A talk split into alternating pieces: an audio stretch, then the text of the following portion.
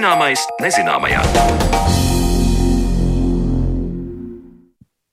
Esiet sveicināti redzījumā, zināmais nezināmajā. Turpmākajās minūtēs ar jums kopā būšu es Sandra Kropa un mēs pievērsīsimies sabiedrībai un psiholoģijai. Covid pandēmija radīja gan īslaicīgas, gan ilgtermiņa pārmaiņas mūsu dzīvēs, un viena no tām ir veids, kā mēs funkcionējam sabiedrībā pēc diviem ārkārtas stāvoklī pavadītiem gadiem. Šodien raidījumā iepazīsim kādu pētījumu, kurā secināts, ka Covid pandēmija padarījusi mūs nerotiskākus un noslēgtākus. Par to jau pavisam drīz, bet pirms tam par to, kā mūsu attieksme pret notiekošo valstī un pasaulē ietekmē bērnības pieredzi. Viens iet pasaulē ar atvērtu prātu, cits ar pāridarījumu sirdī. Kas ir tie iemesli, kas cilvēkam liek apvainoties un visās viņa nelaimēs vainot citus, valdību, laika apstākļus vai vecākus par upura lomu? Tieksmi ticēt negatīvajam un tam, cik liela nozīme ir audzināšanai bērnībā, manai kolēģei Zanēlācei Baltalksnē skaidros Latvijas Universitātes profesore Baiba Martinsona. Darbā riebīgs priekšnieks vai neapmierināti klienti, vai ja esi uzņēmējs milzīgi nodokļi, mājās vai nu salsti vai maksā par apkuri neadekvāti augstu cenu, laiks pārlieku apmācies vai kaitinošs saulains, valdība kārtējo reizi nejēgu bars. Un tā šo sarakstu varētu turpināt, sūdzoties par bērniem, dzīvesbiedriem, pārdevējiem veikalā, pasažieriem sabiedriskā transportā. Tik pazīstamas un ikdienišķas frāzes, ko paši esam lietojuši un no citiem dzirdējuši. Kādi ir iemesli tieksmei vainot visu un visus? To attālināti ierakstītā sarunā vaicāju Latvijas Universitātes profesorei un vadošajai pētniecei izglītības psiholoģijā Baibai Martinsonei tieksme vainot, apvainoties, ieņemt upura un cietēju lomu. Tā var būt saistīta ar cilvēku spēju regulēt pašam savu stresu, savu trauksmi, pārvaldīt savas emocijas. Un tādā gadījumā šie cilvēki, viņi projicē vai piedāvā citiem cilvēkiem atbildību par to, kā es jūtos. Un viņi tā kā izrēģē uz citiem cilvēkiem tās emocijas, kas viņos ir. Un jāsaka, ka, ja mēs runājam par tādām nobriedušām personībām, tad tāds cilvēks spēj pats saprast, ko es jūtu, ko es domāju, kas ir manas domas, kas ir mani uzskati, kas ir citu cilvēku uzskati. Spēj apzināties savas vērtības, spēj saprast un apzināties savas vajadzības, arī savas neatrisinātās vajadzības, kādas katram cilvēkam ir. Un tā pašā laikā saprast arī pats savas problēmas. Tāpēc, ka viena daļa problēmas izriet nevis no tā, ka mēs dzīvojam kopā ar citiem cilvēkiem, bet tās ir mūsu pašu problēmas. Un kamēr mēs esam kopā ar citiem, mēs varam viegli to projicēt un teikt, ka tāpēc, ka valdība vai tāpēc, ka mamma Bet tā tad nobriedusi persona apzinās šo visu, spēj noregulēt sevi, spēj līdz ar to uzņemties atbildību pats par to, kā jūtās. Un tev nav vajadzīgs vienmēr otrs cilvēks blakus, kas tevi atbalsta, kas tevi nomierina, kas tevi pārliecina, kas izskaidro un kas uzņemas atbildību un kas tevi padara laimīgu. Un tur ir vairāki aspekti, kā tā emociju regulēšana un atbildības uzņemšanās par savu rīcību un arī par savām domām un uzskatiem. Tā ir saistīta ne tikai ar tādu negatīvu emociju pārvaldīšanu, bet arī ar spēju pašam uzturēt sevi tonusā un ar spēju pašam veicināt sevī pozitīvas emocijas un pozitīvu attieksmi. Un tādu pozitīvu attieksmi, lai varētu uzņemties atbildību. Ka tev nav jābūt vienmēr kaut kādiem ārējiem apstākļiem. Ja tev prasa, nu kā tev iet, un cilvēks saka, nu kā man var iet, valdība ir tāda, lietus līst, elektrības cenas ceļās, viss ir slikti, tāpēc ka ārpusē nekas labs nenotiek. Tad tā ir tā spēja pašam izveidot pozitīvu noskaņojumu, nevis muļķīgi pozitīvu, bet būt pietiekami motivētam, savāktam un skatīties savā dzīvē uz priekšu. Un, ja tagad domā arī par to vainošanu, mēs varam runāt kā cilvēka sociāla, emocionālā attīstība vai arī personības attīstībā, mēs varam runāt par tādu diferenciācijas pakāpi vai spēju būt atdalītam no citiem, vienlaicīgi gan tuvam ar citiem, veidot tuvas attiecības, gan arī būt autonomam. Un arī spēju nodalīt emocionālo sfēru no intelekta. Un, ja tā diferenciācija nav īsti notikusi, ja tas cilvēks ir tāds infantils un bērnišķīgs, tad tas būs tipiski, ka grūtībās šāds cilvēks vainos citus, neuzņemsies nekādu atbildību par savu dzīvi. Piemēram, elektrības cenas tagad celsies, Tagad visiem ir jāmaksā, jādara, jāatbalsta mani. Man vienkārši tas pienākās. Un tas, ka man būtu jāuzņemās arī atbildība par to, ka pasaulē ir karš, un man ir jāņem arī sava ciešana un atbildības daļa, tas nevar tā būt, jo citiem ir jāskārto mana dzīve, lai man nebūtu ciešanas. Tad arī šie cilvēki bieži vien ir ietekmējami. Tādā veidā, ka viņu parastās, normālās dzīves situācijās, ja tas diferenciācijas līmenis nav tāds pietiekams. Tas bieži vien nemaz nav jūtams. Šie cilvēki ir gudri, attīstīti, profesionāļi, un viņi dzīvo normālu dzīvi. Bet tad, kad ir stress un pārbaudījumi, vai tā kā pandēmijas laikā, vai citas krīzes laikā, kad stress ir tik liels, ka cilvēks to vairs nespēja pats tolerēt. Un tad nāk šī sajūta, ka es to dodu citiem, lai tagad citi atrisina šo lietu. Un arī intelekts par cik tās sistēmas nevienmēr nodalījušās, intelekts sāk apkalpot emocijas. Un tad tās dusmas un bailes, ko cilvēks jūt, tad tās sāk pārvērsties sazvērestības teorijās. Vienkārši prāts sāk kalpot emocijām. Es nespēju noregulēt savas emocijas, un tāpēc mans prāts sāk izskaidrot, ka tur ir citi ļaundari, ka tur ir čipošanas mēģinājumi, ka tur ir tie visi, kas ir pie silas, sagrābušies naudu, un man vienkārši nedod un ka pret šo ir kaut kādā veidā jācīnās. Tāpēc tā emociju pārvaldīšanas attīstīšana ir ārkārtīgi svarīga jau no bērnības. Jo pēc tam, pieaugušo vecumā, mēs redzam, ka, ja emocionālā attīstība nav pietiekama, tad grūtos brīžos cilvēki rīkojas pārāk bērnišķīgi. Runājot par audzināšanas ietekmi bērnībā, Baiva Martinsone min, ka šo greizo attieksmi rada gan vecāku pāraprūpe, izdarot un izlemjot visu bērna vietā, vai arī visu atļaujošs audzināšanas stils, kad bērnam nav nekādu ierobežojumu, vai arī ļoti autoritatīva vecāku nostāja. Jebkurā no minētajiem gadījumiem vecāku attieksme un audzināšanas pieeja neveicina bērnā pašregulācijas attīstību, kas vēlāk, mazajam cilvēkam pieaugot, rada šo tieksmi vainot apkārtējos savās neveiksmēs. Tālāk Baibai Martinsonai vaicāju, kur ir robeža, kad beidzas kritiskā domāšana un kur sākas neracionāla kritika, kad cilvēks kritizē un vaino visus un to pamato ar izteiktu kritisko domāšanu. Lai varētu vispār kritiskā domāšana darboties, ir jābūt noregulētām emocijām.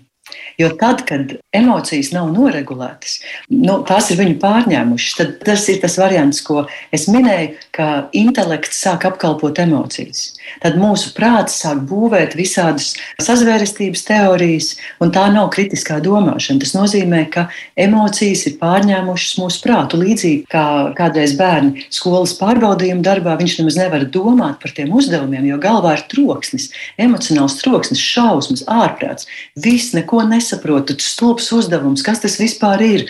Un līdz ar to domāšanas procesu vai augstāku domāšanas stratēģiju darbināšana vispār ļoti, ļoti apgrūtināta vai arī padarīta neiespējama. Un, protams, jāsaka, ka arī ar šo kritisko domāšanu plašākajā izpratnē, arī netik pozitīvajā izpratnē, jāsaprot, ka tas negatīvisms var būt arī sociāli konstruēts. Piemēram, ja mēs domājam kaut vai par izglītības nozari, kā gadu desmitiem sabiedrībā un arī ar mēdīju palīdzību, kā tiek uzturēts negatīvs upura tēls pedagogiem, ka pedagogi ir nabagi, nospiesti, necienīti, neapmaksāti, izdeguši. Nu, vienkārši viena tāda traka situācija. Un tas ir arī ļoti bīstami, ka cilvēki pamazām var pieņemt šo iemācīto bezpalīdzību. Un ļoti labi, ka liela daļa skolotāju tomēr nepieņem šo upuru identitāti, jo viņi nav tas, par ko viņus mēģina pasludināt. Pretējā gadījumā, ja tu pieņem šo iemācīto bezpalīdzību, iemācītā bezpalīdzība ir tāds uh, konstrukts, kas izriet arī no sociālās psiholoģijas pētījumiem, ka tas cilvēks, kuram nav bijusi iespēja ietekmēt situāciju. Ja viņš pieņem šo bezpalīdzību, tad nonākot situācijā, kur viņam ir ietekme un viņš var ietekmēt situāciju, viņš pat nemēģina. Viņš uzreiz pieņem, ka es jau nevaru, man jau tā nekas tur nebūs, un vienkārši viņš jau padodas. Tā ir kā iemācīta bezpalīdzība. Un tāpēc šai lietai ļoti jāpretojas. Pretējā gadījumā cilvēks nu, dzīvo lepni, vārtīdamies savās problēmās. Lepni sakot, ko tad jūs gribat, es jau to, un man jau ir tik grūti. Tā, tas var būt arī tāds sociālā spiediena rezultātā izveidojies modelis. Nu, tā ļoti smalkā robežšķirtne, ka cilvēks vai nu viņš ir upura statusā, vai viņš pats sevi ieliek upuru lomā, nemaz nebūdams tajā upuru statusā. Mēs visi varam nonākt tādā situācijā dzīvē, kur mēs patiešām esam apspiesti un, un nevaram neko ietekmēt. Un te nāk priekšplānā atkal cits aspekts, ko sauc par dzīves spēku. Tātad tā ir spēja grūtā, smagā situācijā uzņemt sevī to traumu, kurā tu dzīvo. Nevis brašiet, pacelt galvu dzīvē cauri, jo nevienmēr tas ir iespējams, bet arī uzņemt to traumu sevī, saglabāt dzīves kvalitāti, cik tu vari, ejot cauri grūtajiem dzīves brīžiem. Un pēc tam, kad tu tam izēji cauri, tad spēt arī atkopties, nevis palikt ievainotam. Un, protams, dzīves spēks ir ļoti, ļoti saistīts ar sociālo emocionālo kompetenci, ar šīm pašregulācijas spējām arī. Tur ir tāda pozitīva saistība. Tie cilvēki, kuriem ir labāk attīstītas sociālo emocionālās prasmes, saprast sevi, pārvaldīt pašam sevi, saprasties ar citiem cilvēkiem, risināt konfliktus, tiem bieži vien tā ir arī augstāks šī noturība, ja dzīves spēks grūtās dzīves situācijās. Un tas palīdz nepalikt upura lomā. Jo cilvēks var arī objektīvi palikt upuru lomā, piedzīvot ārkārtīgi traumējošas situācijas, un tur ir nepieciešama palīdzība, protams, arī no ārpuses. Jūsos klausoties, man nāk prātā piemērs par izsūtītajiem. Tie, kas ir bijuši Sibīrijā, ka pēc tam ar tiem cilvēkiem ir runāts, nu, ka viņi nav palikuši, viņi nav iestrēguši tajā upuru lomā. Jā, pirmie dzīves spēka pētījumi tieši saistījās ar to, ka sāka pētīt bērnus, kuri nāca no ārkārtīgi sliktas bērnības pieredzes, kur ir vecākiem psihiskas saslimšanas, ārkārtīga nabadzība, ļoti disfunkcionālas ģimenes ar hroniski ļoti, ļoti sliktām attiecībām, atkarības vielu lietošanu, vardarbību. Un daļa no šiem bērniem, iznākot no šādas bērnības pieredzes, spēja dzīvot normālu, piepildītu pieaugušā dzīvi. Un tad sākās pētījumi par to, kas tad ir tie aizsargājošie faktori. Un tātad viens ļoti skaidrs aizsargājošs faktors ir tas, ja šiem bērniem bija kaut vai vienas stabilas un pozitīvas attiecības ar vienu sakarīgu pieaugušu cilvēku. Un nav svarīgi, vai tas ir pulciņa treneris, vai tā ir skolotāja, vai tas ir mātes brālis, vai laba kaimiņiene. Un tieši caur to, ka veidojot stabilu tādas piesaistas attiecības ar šo trešo personu, bērns varēja attīstīt sociāli emocionālās prasmes, tieši tās, kuras ir nepieciešamas savai pašregulācijai. Vienas pareizas receptes nav, jo psiholoģijā nav nevienas teorijas, kas izskaidrotu visu par cilvēku, teica Baiva Martinsone. Galvenais ir veidot un saglabāt minēto emociju pašregulāciju un mēģināt veselīgi izvērtēt, kur sākas un beidzas paša un citu atbildība par negācijām mūsu dzīvēm. Tik tālu par bērnības pieredzi un tās ietekmi uz attieksmi pret notiekošo pieaugušā vecumā, bet par Covid pandēmijas radītajām izmaiņām mūsu uzvedībā un personībās saruna pēc brīža.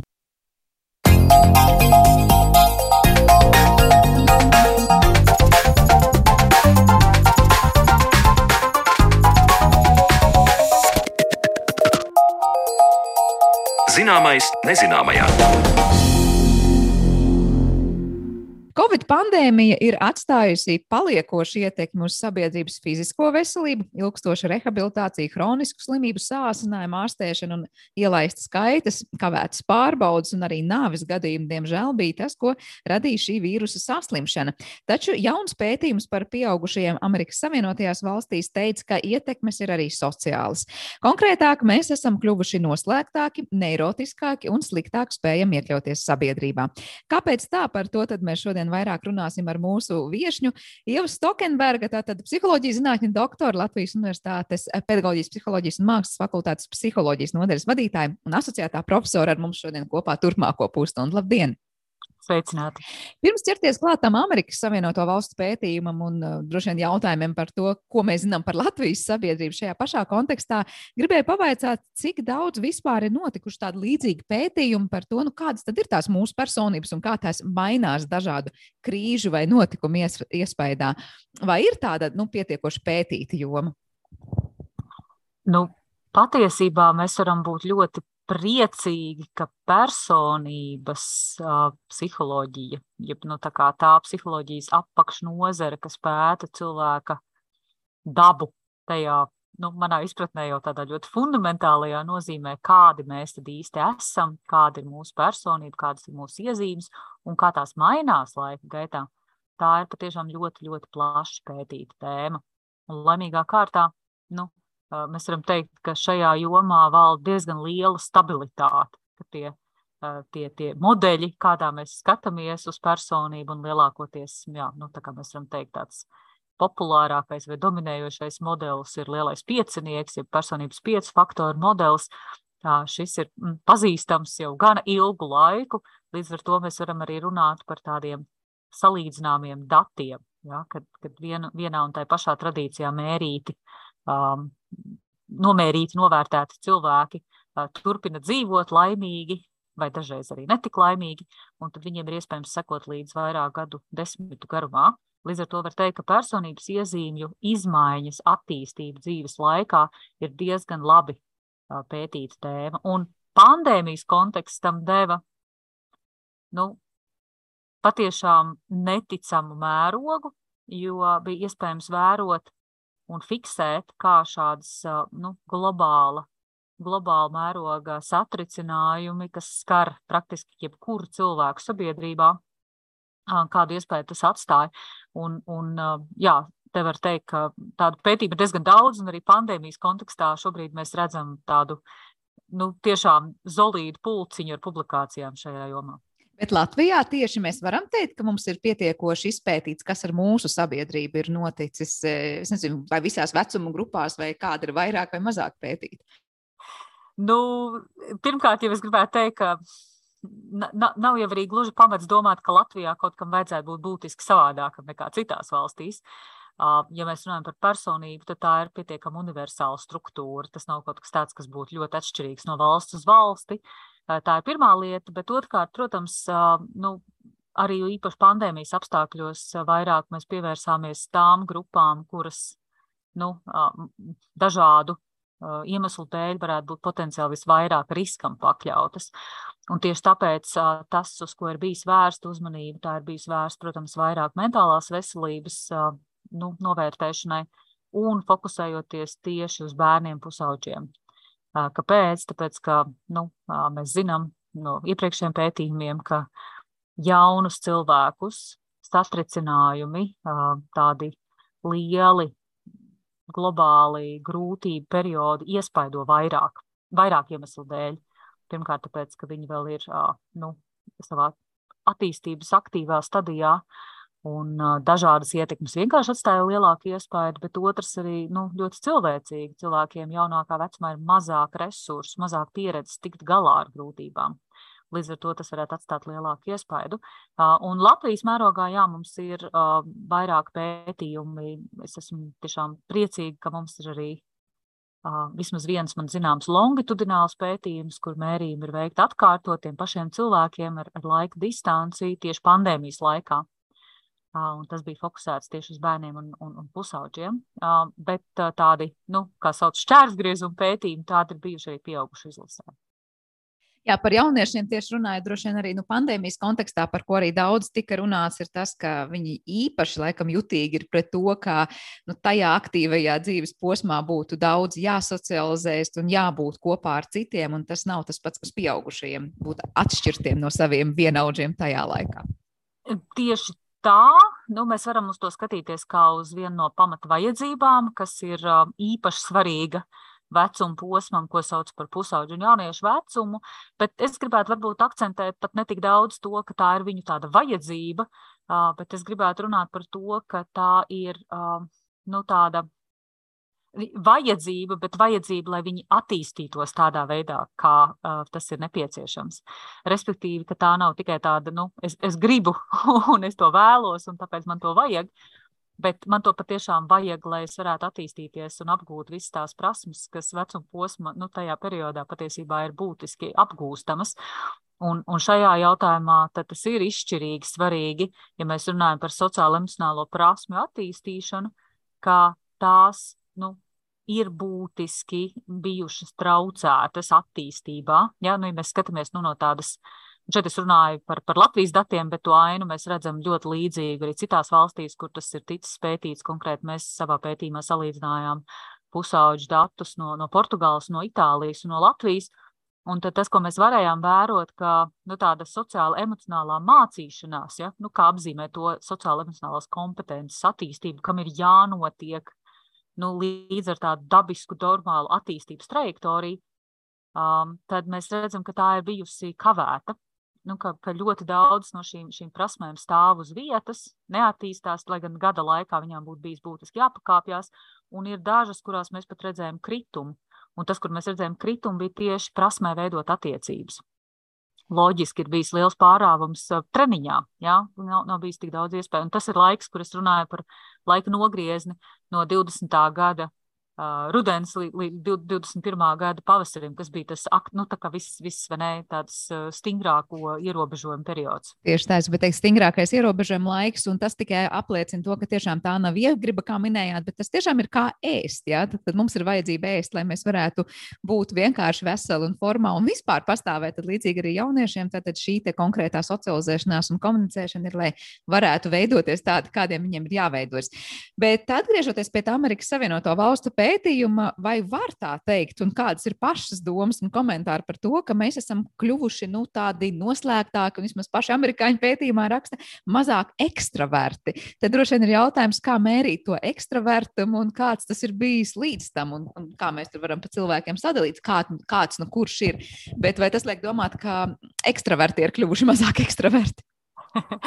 nu, pirmkārt, jau ir pilnīgi skaidrs, ka mērīt šīs iezīmes var pat pa, pa īstam labi, un uh, gan, gan starptautiski ir labi izstrādāti. Nu, tiešām personības piecu faktoru modelis ir viens no labāk empiriski pamatotajiem personības modeļiem vispār tiešām pasaulē, ko mēs šobrīd zinām, un tam ir ļoti, ļoti spēcīgs um, nu, tāds atbalsts, ka mēs varam uzticēties, ka šis, šis, šis modelis un šīs piecas iezīmes, um, nu, varbūt es varu vienkārši viņas nosaukt. Lai, Gribēju lai, prasīt, lai... varbūt varat iestāstīt, kas ir šis piecu faktoru modelis, jo es domāju, tiem, kas nav studējuši psiholoģiju, tas ir varbūt vismaz, nu, varbūt labi zinām lieta, bet citos vārdos nosaukt, tad, tad varbūt kas tas tieši tā, ir. Tieši tā, nu, tā kā mazliet vienkārši salikt, lai, lai ir skaidrs, par ko mēs runājam. Tad pirmkārt jau tā piesauktā ekstraversija. Um, ko tas nozīmē? Tas nozīmē, ka tas raksturo mūsu individuālās atšķirības tajā, cik lielā mērā mēs izbaudām uh, sabiedrisko, sociālo dzīvi un cik, uh, nu, kā, ar, ar cik lielu enerģiju mēs tai nododamies un cik daudz nu, prieku mums tā sagādā. Ja, tā, tā būtu tāds divas, divas būtisks, nu, tā, būtiskais raksturojums. Tajā, nu, jā, un ekstraversijas viens pols ir, ir ekstraversija, un otrā galā mēs runājam par introversiju. Mēs visi esam kaut kur šajā sadalījumā. Nav tādi divi plauktiņi, ekstraverti un introverti, bet, bet mēs runājam, ka mēs katrs kaut kur esam šajā, šajā skalā. Kaut kur skalā, bet man precizējošs jautājums par to ekstraversiju arī dažkārt to mēra, nu tā sadzīvē runājot, vai nu tieši tā kā minējāt, cik ļoti mums ir vajadzīga socializēšanās ar citiem un, kā saka, atpūšamies bariņā un ejam ārā un mums vajag tikties ar cilvēkiem. Vai savukārt citi atkal saka, man nevajag to sabiedrību tik ļoti, man pietiek ar dažiem draugiem, bet tajiem draugiem, nu, tad tur cilvēks nevar beigt runāt un, un nonstopā viņam ir grūti klausīties. Vai tā arī ir ekstraversijas pazīme, zinot, ka pat cilvēkam nu, negribas to sociālo burbuli tik ļoti lielu? Mm -hmm. nu, šis ir pilnīgi precīzi, jo tas būs ļoti atšķirīgi dažādos vecuma posmos. Jo, jo agrākā jaunībā mums tam ir lielāka korelācija ar, ar, ar draugu un paziņu skaitu, un tad vēlāk brieduma vecumā patiesībā tam nav vairs tik lielas korelācijas ar to cilvēku skaitu. Bet īstenībā, pat, ja mēs ejam vēl dziļāk, ejam, tad tas, kas ir tie divi aktīvie elementi ekstraversijai, īstenībā ir mūsu enerģijas līmenis un mūsu gatavība un vajadzība un vieglums, ar ko mēs izjūtam pozitīvas emocijas. Ja, tā, tie ir tie fizioloģiskie mehānismi. Un tāpēc, ka mēs esam sociāli dzīvnieki, tāpēc šī aktivitāte tiek visbiežāk pamanīta, ka tā ir sociālā kontekstā. Ja, līdz ar to Nu, kā salīdzinot, mēs varam teikt, ka tie cilvēki, kuri ir bijuši bērnībā, tie, kuri nevar nosēdēt uz vietas un skrien un joņo, viņiem skolas vecumā visbiežāk ir vairāk paziņu jaunībā, ļoti plašs nu, paziņu lokus un tāds sociāls kontaktu lokus, un viņi labprāt atpūšas cilvēku sabiedrībā. Un tad savukārt jau vēlākā pieaugšo vecumā viņi ik pa laikam var lieliski izbaudīt laiku, satiekot cilvēkus. Viņi tiešām izbu, izjūt un izbauda, bet skaidrs, nu, ka tas viņu enerģijas līmenis dabiski ir zemāks nekā tas ir bijis jaunībā. Ja? Un, un te mēs uzreiz jau pieskaramies tam, ka katra tā pazīme, nu, mēs viņu varam raksturot dažādos līmeņos, bet ir ļoti būtiski saprast, ka tā nekad nav pilnīgi vienāda visas dzīves laikā. Ja? Tad, tad šis būtu par to ekstraversiju, kas ir viens no piecinieku. Otrs, arī droši vien bieži dzirdēts un pazīstams jēdziens ir emocionālā stabilitāte iepratī neirotismam. Tas raksturo cilvēku visas tās pazīmes un tās mūsu individuālās atšķirības, kas saistās ar tādu nu, negatīvo emocionalitāti, ar, ar, ar trauksmainību, ar mūsu jutību un uh, tendenci uh, pamanīt kaut kādus potenciālos apdraudējumus un uz tiem rēģēt. Jā, evolucionāri mēdz teikt, ka tas ir mūsu lielais sarks, jo mēs dzirdam potenciālās briesmas un saulaicīgi uz tām rēģējam, pietiekami daudz uztraucamies. Ja? Nu, un tad uh, tas, ko mēs varam pamanīt, kas ir tā, tā svarīgā lieta, ka, uh, ja mēs esam tādi paaugstināti tai neirotisma galā, tad mums varētu būt vairāk nu, tādu arī ikdienas tipiskās situācijās mēs vairāk piedzīvojam stresa situācijas, tāpēc ka mēs vienkārši viņus novērtējam kā uztraucošas, un mēs, mēs par viņām vairāk raizējamies. Un tad, savukārt, ja mēs esam vairāk tajā emocionāli stabilajā galā, tad mēs esam tad vairāk līdzsvarotāki, mūs mazāk var izsist no līdzsvara, mēs ātrāk nomierinamies, kad ir arī kaut kādi kreņķi.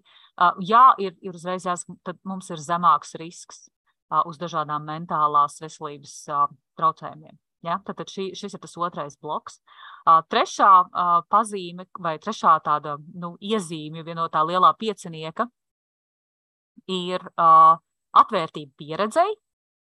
Un atvērtība pieredzē raksturo to, cik lielā mērā mēs vēlamies un esam gatavi un mums ir interesanti uh, izzināt pasauli, piedzīvot, ka tajā ir ļoti liela dažādība, ka mēs esam vēlamies iepazīt jaunas lietas, ka mums sagādā prieku dažādi estētiski pārdzīvojumi, piedzīvojumi, un vienlaicīgi, ka mēs esam nu, gatavi dažādībai, ka mēs esam gatavi piedzīvot, ka ha, vienu un to pašu situāciju var redzēt no dažādām pusēm. Uh, Šis, šī pazīme vai nu, atvērtība pieredzē saistās jā, ar mūsu zinātnē, kā ar mūsu estētiskām interesēm, ar toleranci, ar, ar, ar tādu, nu, bieži vien jā, tas ir saistīts ar cilvēkiem, kuriem ir ļoti svarīgi baudīt kultūru, būt klātesošiem gan tādā intelektuālā, gan mākslinieckā nozīmē.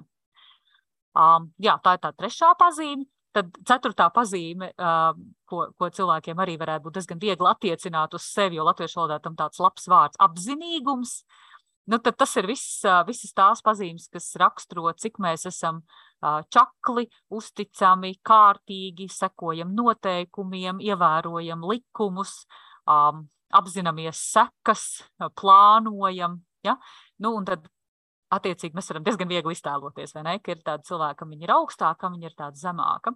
Un, un tīri, nu, atkal no tāda fizioloģiskā pamata apzinīgums ir ļoti spēcīgi saistīts ar mūsu pieras dāvas attīstību. Tāpēc tā sistemātiskā attīstības trajektorija ir, ka apzinīgums ir zems pusauģu gados, un tas strauji pieaug līdz jaunu pieaugušā vecumam, nostabilizējās, un, un tad, tad ir relatīvi stabils. Ja, Apzinīgumam pusauģa vecumā un pieaugušā vecumā tiešām ir bioloģisks pamats. Tam ir bioloģisks pamats, tieši tā. Un tā ir daļa no mūsu nobriešanas, ka mēs vienkārši izaugam, mēs kļūstam apzinīgāki. Ja? Un tas nav tikai par to, ka dzīve mūs piespiež, bet mēs tiešām nobriestam. Ja? Un tad piektais uh, ir tāda uh, pazīme, ko latviešu valodā mēs ne pārāk veikli, manuprāt, tulkojam. Um, latviešu valodā to apzīmē ar vārdu labvēlīgums, uh, bet angliski man šķiet veiksmīgāks apzīmējums, kas ir agreeableness. Nu, kā, kas galējā tādā augšējās, augstās pazīme, augstā dimensijas galā raksturo cilvēku, kurš grib ar visiem pa labam, kuram ir ļoti svarīgas labas attiecības, un kurš negrib strīdēties, naidoties, kuram ir ļoti būtiski saprast un sajust, kā jūtās citi cilvēki un ņemt vērā viņu, viņu nu, uzskatus un domas. Un savukārt zema labvēlīguma gadījumā mēs runājam par cilvēkiem, kam ir diezgan vienalga par citu cilvēku jūtām, kas var iet tām pāri, kas var realizēt nu jā, bieži vien mēs redzam, ka tur ir kaut kāda naidīga, agresīva izturēšanās, nerēķinoties ar citu cilvēku interesēm un vajadzībām. Un tad šajā, nu, šajā blokā mēs biežāk runājam par tādu gatavību sadzīvot ar citiem cilvēkiem. Bet tam ir saistība ar empātiju, vai tas nav gluži tas pats? Uh, labvēlīgumam ir saistība ar empātiju, uh, pavisam noteikti, uh, jo nu, pirmkārt, tā ir tāds, tāds treniņš, vai mēs vispār uh, spējam un varam iztēloties, kā cits cilvēks jūtās. Bet tam ir arī saistība ar tādu vēlmi. Jo viens ir izmantot empātiju. Es labi saprotu, kā viņš jūtās, un izmantošu to savā labā. Ja? Bet otrs, nu, cits veids ir, ja mēs domājam par empātiju, ka mēs viņu patiešām izmantojam, lai nu, darītu tā, lai arī tam otram ir labi. Ja? Tā kā empātija var pielietot dažādiem, dažādiem nolūkiem. Nu, jā, un šis ir tas piecinieks. Tas ir tas lielais piecinieks, uz ko mēs atsaucamies un, un, un, un par ko runājam. Bet uh, Covid kontekstā, šī pētījuma kontekstā, ir mērīti cilvēki pēc visiem šiem pieciem parametriem. Un te nu, mēs izkristalizējam, ka kaut kur tā būšana nostatus, būšana noslēgtam, izolētam, ir mainījusi to, cik ļoti mēs esam kļuvuši. Nu, tad ir jautājums, vai ekstraverti, introverti vai vēl kā citādāk sadarbības nespējīgi. Um, jā, un, un no, nu, tā, kad es minēju, šis, šis, šis piecu faktoru modelis veido tādu ietvaru. Uh, katram tam faktoram apakšā vēl ir vesela strīpa ar īpašībām, un, un tādi lieli personības izpētes instrumenti. Nu, uh, tur, ir, tur ir vēl kaut kas padziļinātāk, ko mēs varam skatīties, bet šīs lielās dimensijas ļauj saprast tādus uh, nu, kopējas likumsakarības. Jā, jo tie ir tādas, nu, kādreiz viņas sauc par tādām koordinātu asīm, ka jebkuru citu pazīmi psiholoģijā, personības psiholoģijā, kur mēs pētām, mēs varam kaut kādā veidā attiecināt, kur tad viņi atrodas attiecībā uz šiem pieciem faktoriem. Un no šī viedokļa raugoties, tas ir arī ļoti interesanti skatīties uz pandēmijas kontekstu un, un vispār tādām krīzēm satricinājumiem, jo kopumā personības iezīmes ir diezgan stabilas dzīves laikā. Ko tas nozīmē? Tas nozīmē, ka, protams, dzīves laikā var mainīties tas, kā mana ekstraversija izpaužās. Ja? Bet salīdzinot ar saviem laika biedriem, ja es esmu bijusi tas, nu, tas, tas top ekstravertākais klasē, tad, tad, kad mēs satiksimies salidojumā pēc 50 gadiem, Protams, atšķirsies, ko mēs darām, bet es starp tiem saviem klases biedriem joprojām būšu starp tiem, kas ir joprojām tas aktīvākais, kurš tur brauc pie mazbērniem, rušina dārzu un mierā nevar nosēdēt. Ja? Līdz ar to tā ir viena lieta, kas ir jāsaprot, kas tā fundamentāli parasti nemainās. Ja? Tad, tad vieta nu, kaut kādā ziņā uz tās skalas ar saviem, savu vecumu, saviem laika biedriem. Bet no otras puses, arī katrai tai iezīmēji mēdz būt tādas diezgan labi jau izpētītas un zināmas attīstības trajektorijas dzīves laikā. Nu, tikko mēs jau pieminējām par apzinīgumu, ka mēs vienkārši to jau zinām, un tam ir labs izskaidrojums, ka apzinīgums pieaug sistemātiski no pusauģu gadiem līdz pat 25, līdz pat 29 gadiem. un tad tas kļūst relatīvi stabils dzīves laikā, pārējā posmā. Ja? Līdzīgi, piemēram, notiek ar ekstraversiju, ir vispār sarežģīti, jo ekstraversijas gadījumā ir divas dažādas sadaļas, kur aktivitātes līmenis ir visaugstākais pusauģu gados, un tad tas krītās pamazām sistemātiski visu dzīves garumā līdz pat dzīves beigām. Tas sistemātiski lēnām pamazām krītās. Bet tā ekstraversijas daļa, kas ir saistīta ar sociālo dominanci, ar tādu savu spēju pastāvēt par vietu, lomu sabiedrībā, tā sasniedz pīķi 35, 40 gadu, un tad turās noturīgi. Ja? Līdz ar to nu, tā summāri ne, mēs redzam, ka tā, tā, tā, tāda neskaidra tā aina. Bet, bet tāda trajektorija ir pietiekami labi zināma. Un te mēs varam satikt to pandēmiju, Ka, ne, kā, kā uz pandēmijas ierobežojumiem un šo pandēmijas pieredzi rēģē dažādi cilvēki. Es gribu atsaukties uz vienu pētījumu, kas ir, ir, ir veikts Lielbritānijā, kur viņiem bija lieliski iespēja, ka viņiem bija zināma dati par cilvēku personību, un tad viņi sekoja līdzi, nu, cik, cik lielā mērā nu, viņu teiksim, psihiskā veselība uh, mainījās pandēmijas laikā. Viņiem bija iespēja veidot tos mērījumus ik pēc mēneša un, un nu, patiešām sekot līdzi tādu ilgāku laiku posmu.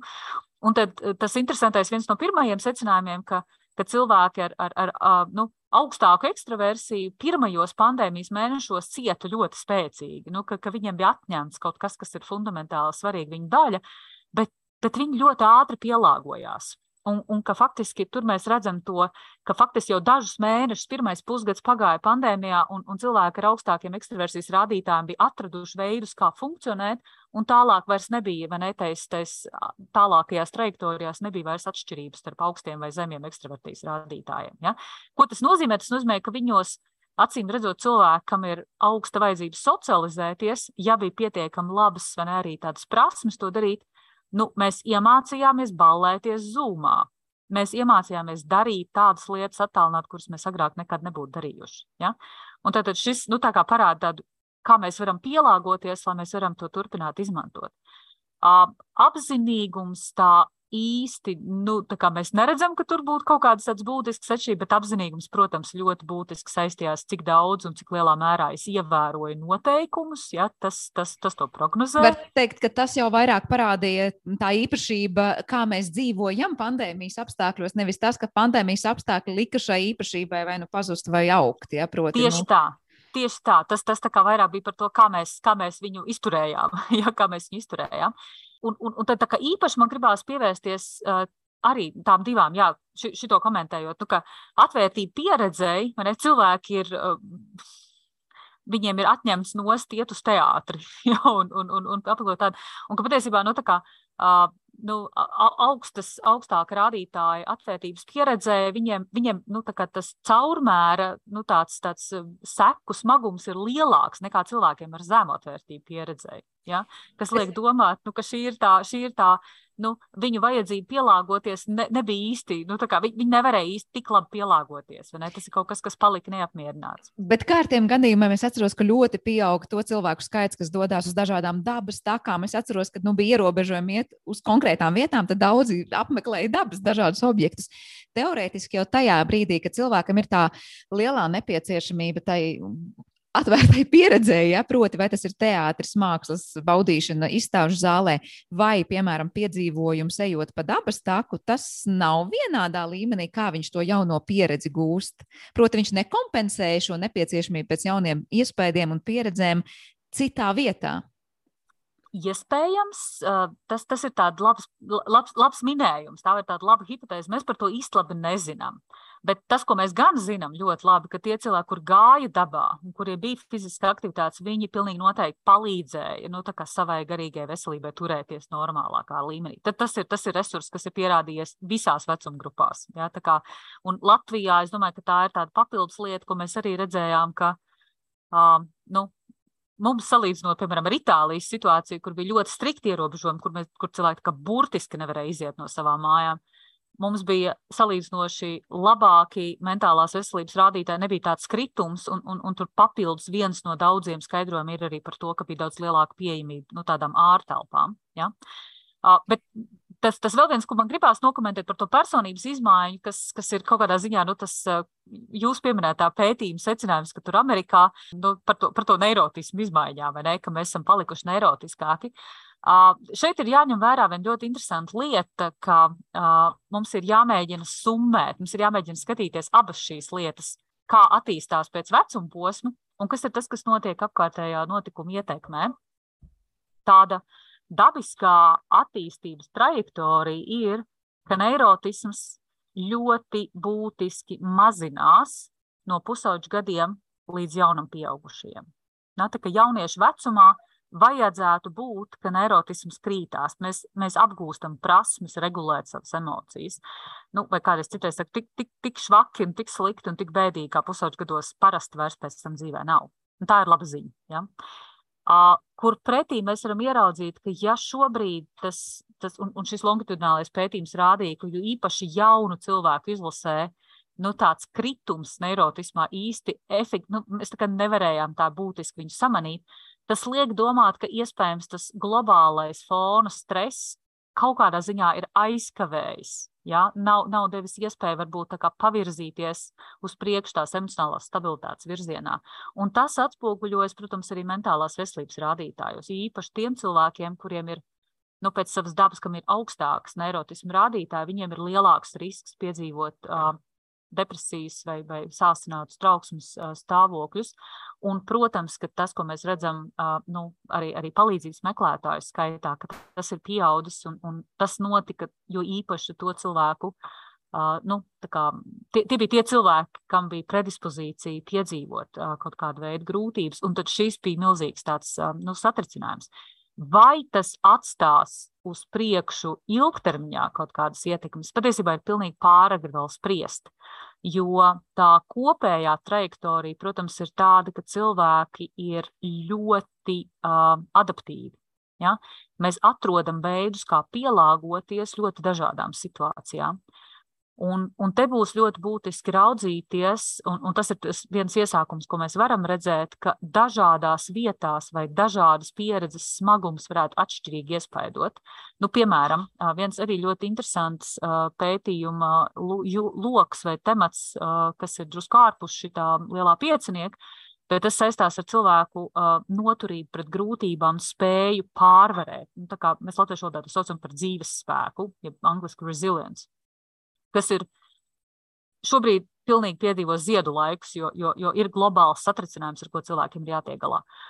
Un tad tas, ko mēs redzējām savā pusauģu pētījumā, ka uh, dažās grupās, bet jo specifiski mēs to redzējām tieši Itālijā, ka dabiski tam dzīvespēkam ir jāpieaug ar gadiem, ne? tas ir kaut kas tāds. Bet, bet dažās grupās mēs pat pamanījām, ka tur notika kritums kas liek domāt, un Itālija tajā gadā, ne, mēs zinām, ka viņi saskārās ar daudz tiešām hroniski ieilgušu, uh, nu, tādu ekspozīciju, milzīgam stresam. Ļoti daudz mēs cilvēki pazīst kādu, kurš ir miris no pandēmijas. Vakcīnu vēl nav. Mēs runājam par pusauģiem, tajā laikā vakcīnu vēl nav. Mēs esam iesprostot savās mājās.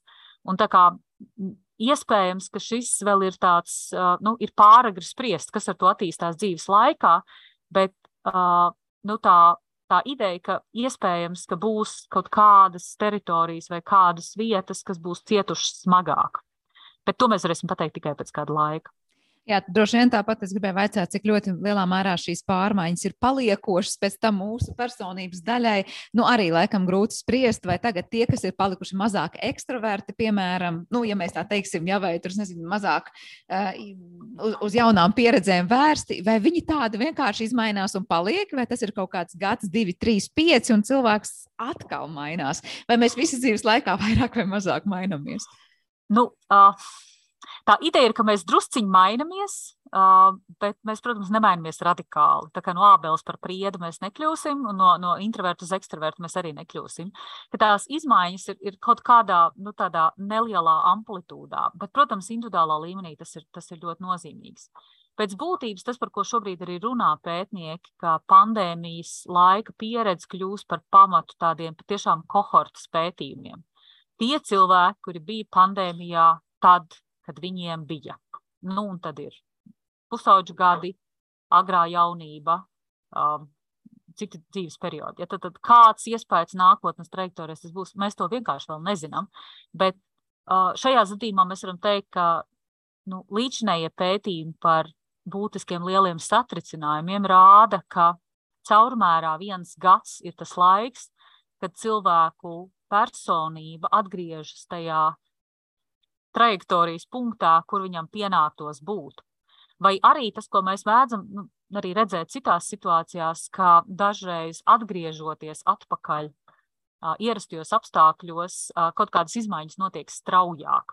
Un šī ir viena no lietām, ko būtiski ir pieminēt un, un, un akcentēt, ka, ja mēs raugamies šobrīd uz pusauģiem, kas ir atgriezušies skolā, tas, ko viņi ļoti bieži ziņo, vai tas, tas kas ir ļoti būtiski viņu vajadzība, ir, lai nu, tas mācību laiks netiktu tikai pilnībā forsēts un aizņemts ar tādu akadēmisko mācīšanos, bet lai tur būtu pietiekami daudz laika arī tai sociāli emocionālajai mācīšanai.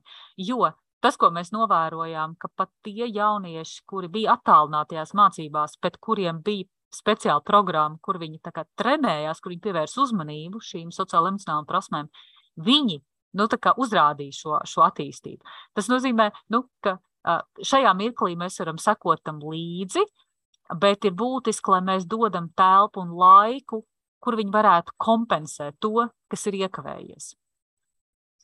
Jā, es domāju, tāda neslikta pieredze tajā kontekstā gan jauniešiem vispār šobrīd, ka savā noteiktajā ļoti būtiskajā attīstības posmā viņi ir piedzīvojuši tādu diezgan lielu satricinājumu, bet arī ikvienam no mums, es domāju, ir interesanti pie sevis padomāt par tām piecām personības dažādajām modeļa formām, iezīmēm, kā man precīzāk ir jāsaka, katrā ziņā, kur mēs esam un vai mēs vispār mainījāmies un kā mēs mainījāmies šī pandēmijas un pašizolācijas tā laika kontekstā.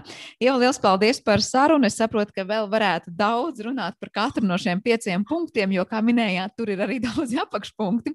Un teikt, beigās tas viss ir par mums. Un es domāju, ka katram ir interesanti palūkoties par to, kā mēs esam uztvēruši šo pasauli un kā turpinām to darīt. Atgādinu, ka Ieva Stokenberga, psiholoģijas zinātņu doktora un Latvijas Universitātes asociētā profesora, pedagoģijas psiholoģijas mākslas fakultātes psiholoģijas nodaļas vadītāja, bija kopā ar mums šodien raidījumu zināmais nezināmajā pusstundā. Ar to arī raidījums ir izskanējis. Teikšu paldies visiem par klausīšanos un uz redzēšanos!